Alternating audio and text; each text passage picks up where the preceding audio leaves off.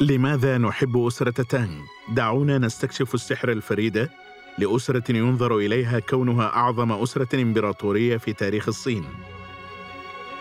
الحلقة الثامنة أهمية المهاجرين.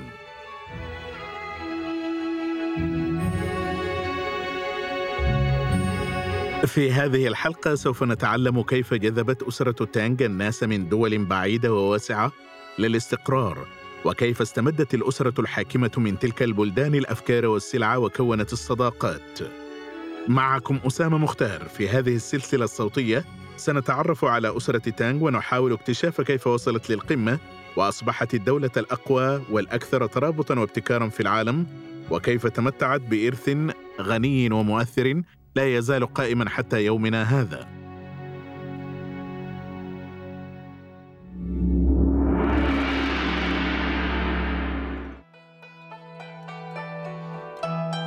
هناك من يقارن بين أسرة تانغ والولايات المتحدة وأوجه الشبه بين عاصمة تانغ تانغ آن ونيويورك لكن ماذا يعنون؟ ربما يكون من المنطقي إجراء مقارنة بالولايات المتحدة في مرحلة معينة من تاريخها. منذ حوالي عام 1800 فصاعدا بفضل الهجرات الضخمة نما عدد سكان الولايات المتحدة بمعدل هائل وكانت النتيجة نموا اقتصاديا هائلا وتنوعا ثقافيا مع الوافدين الجدد القادمين من جميع أنحاء العالم للبحث عن ثرواتهم وبدء حياة جديدة. كانت نيويورك كنقطة دخول الرئيسية على الساحل الشرقي ولذلك كانت متنوعة عرقيا وثقافيا. وهنا يأتي التشابه. لقد وفر التطور الهائل للتجارة خلال عهد أسرة تانغ طريقا لخروج البضائع ولكن الأهم هو توفير وسيلة سبب لمجيء الناس.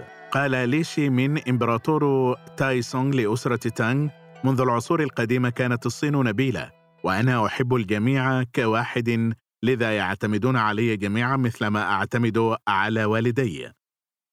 تشير كلماته إلى تغيير مهم من إمبراطورية تهيمن عليها العشائر الثرية ذات النفوذ واحيانا على خلاف مع الدولة إلى إمبراطورية مفتوحة للجميع.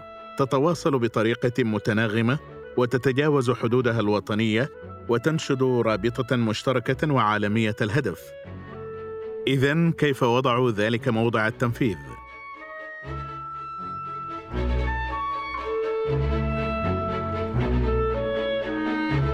كانت هناك العديد من الأسباب الوجيهة التي دفعت الناس للعيش في الإمبراطورية. اولا سمح للأجانب بالمجيء إلى الإمبراطورية والعيش والتجارة بحرية هناك. بالطبع أجبر البعض على الانتقال وجاء البعض لأنهم أرادوا ذلك وجاء اخرون إلى إمبراطورية تانغ ليحتموا بها. تم اكتشاف العديد من المقابر التي تظهر ألقاب أصحابها مثل آن وكانغ ومي وخا وشي وزاو. ويمكن أن ترجع أصولها إلى منطقة آسيا الوسطى. جاءوا ورحب بهم.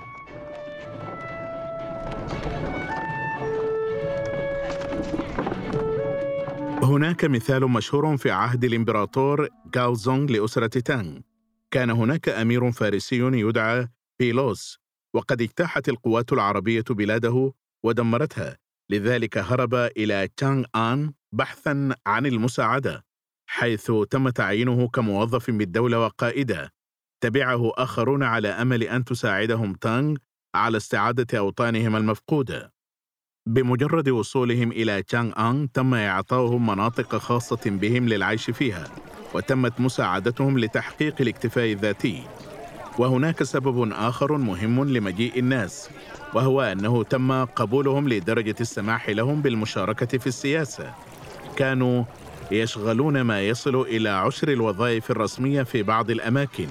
وترقى رجل أعمال من سبرقند أوزبكستان اليوم وأصبح نائب وزير الخارجية. من الواضح أن الأسرة الحاكمة اتخذت موقف الثقة تجاه الأجانب. لكن مع التذكر أن هذه الثقة بنيت على الكفاءة وليس على الحالة. إذا كان لدى الأجنبي مهارات يمكنه استخدامها فسيرحب به أحسن ترحيب.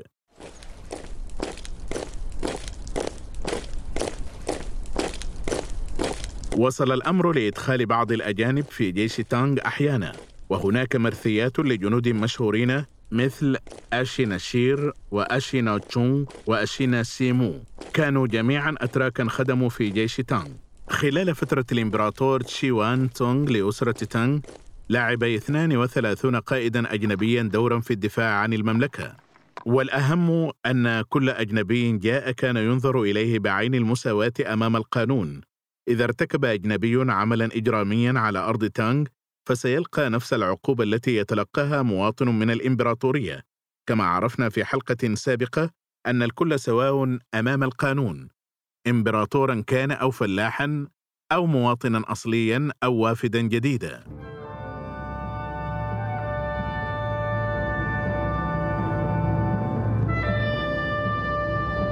أولت أسرة تانغ أهمية كبيرة للتجارة بين الشعوب واتخذت تدابير لحمايتها وتشجيعها.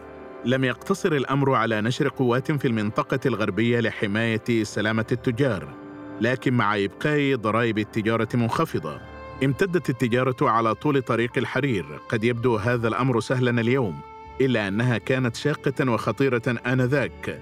غالبا لم يجرؤ التجار على السفر لمسافات طويلة بمفردهم لكنهم فضلوا بدلا من ذلك السفر في قوافل من مئات الأشخاص أحيانا كانت عصابات اللصوص مشكلة كبيرة بذل بعض التجار جهودا مضنية لإخفاء أثمن شحناتهم تحكي بعض القصص كيف كان التجار يدفنون مجوهراتهم تحت جلدهم ولا يقطعونها إلا عند وصولهم إلى وجهاتهم. كان الزواج بين مختلف الأجناس مسموح به حتى على أعلى مستوى خاصة في مكان عيش المهاجرين وأهل هان معا بالمنطقة نفسها. مرة أخرى تخبرنا القبور والمرثيات أن بعض التجار عاشوا في تشانغ أنغ لأكثر من أربعين عاما. وتزوجوا واشتروا منازل وأراضي حتى عندما كان من الآمن لهم المغادرة فضل الكثيرون البقاء. سمح للرهبان الأجانب بإلقاء المواعظ ولم تكن هناك قيود على انتشار الديانات الأجنبية بخلاف البوذية. قد تجد جميع أنماط المعتقدات الزرادة شيون من بلاد فارس والنساطرة المسيحيين الأوائل من سوريا والمانويين الذين نشأوا في أسرة حاكمة فارسية قديمة. اعتبرت حرية الفكر والخطاب مهمة للغاية في عهد أسرة تانغ. كما جذبت أسرة تانغ مجموعة هائلة من الطلاب من الخارج. وفقا لبعض السجلات كان هناك في وقت ما أكثر من ثمانية آلاف طالب وافد من الخارج في إمبراطورية تانغ. لم يدرسوا في تشانغ أنغ فحسب بل خضع العديد منهم للامتحانات الإمبراطورية أيضا ومكثوا في الصين لسنوات طويلة. تكمن أهميتهم في أنهم أضافوا من ثقافتهم ومعتقداتهم إلى التنوع الثقافي الثري لثقافة تانغ. علاوة على ذلك قاموا بنشر ثقافة تانغ على نطاق واسع في جميع أنحاء العالم بعد عودتهم إلى وطنهم. ربما كان أهم جانب في أسرة تانغ عندما يتعلق الأمر بالهجرة هو امتلاكها لجميع أشكال تقدم الحضارة التي جعلتها جذابة للغاية. تمتلك الثروة المادية والقواعد واللوائح الفعالة والسلطة المركزية والأمن العسكرية والتسامح الديني والإبداع في الأدب والفنون والقيادة في العلوم والتكنولوجيا وكذلك الموضة. لذا إذا كنت واسع الأفق ولديك عقل يميل للمعرفة والاستطلاع ورغبة في المساهمة في الاقتصاد الأوسع فهي المكان الأمثل بالنسبة لك.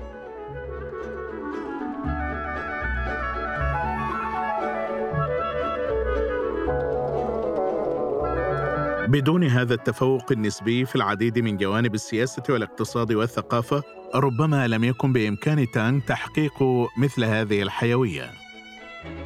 لكن هذا يثير تساؤلا. أيهما جاولا هل جذبت تانغ المهاجرين إليها أم أنها ببساطة مصممة للجاذبية؟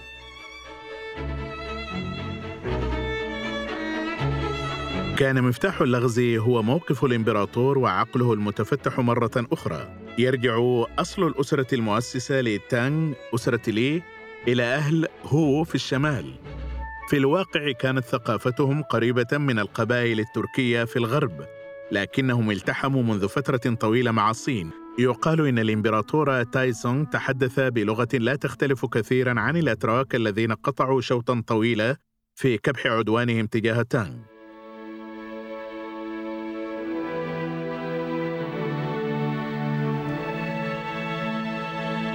لكن ينبغي أن تكون التقاليد قوية.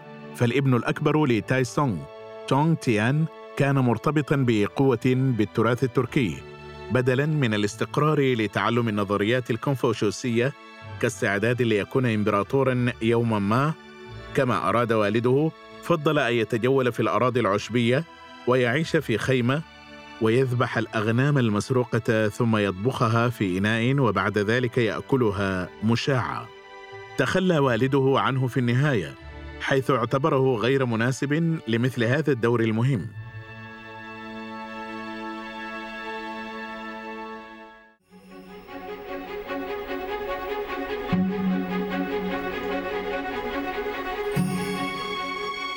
لكن ما تظهره هذه القصة هي خطوط غير واضحة بين أسرة تانغ والأراضي والأشخاص الذين يحيطون بها. انجذبت هذه الشعوب إلى تانغ وبالمثل سيصل سكان تانغ إلى الأراضي المحيطة بالأفكار والتعلم والموارد والصداقة.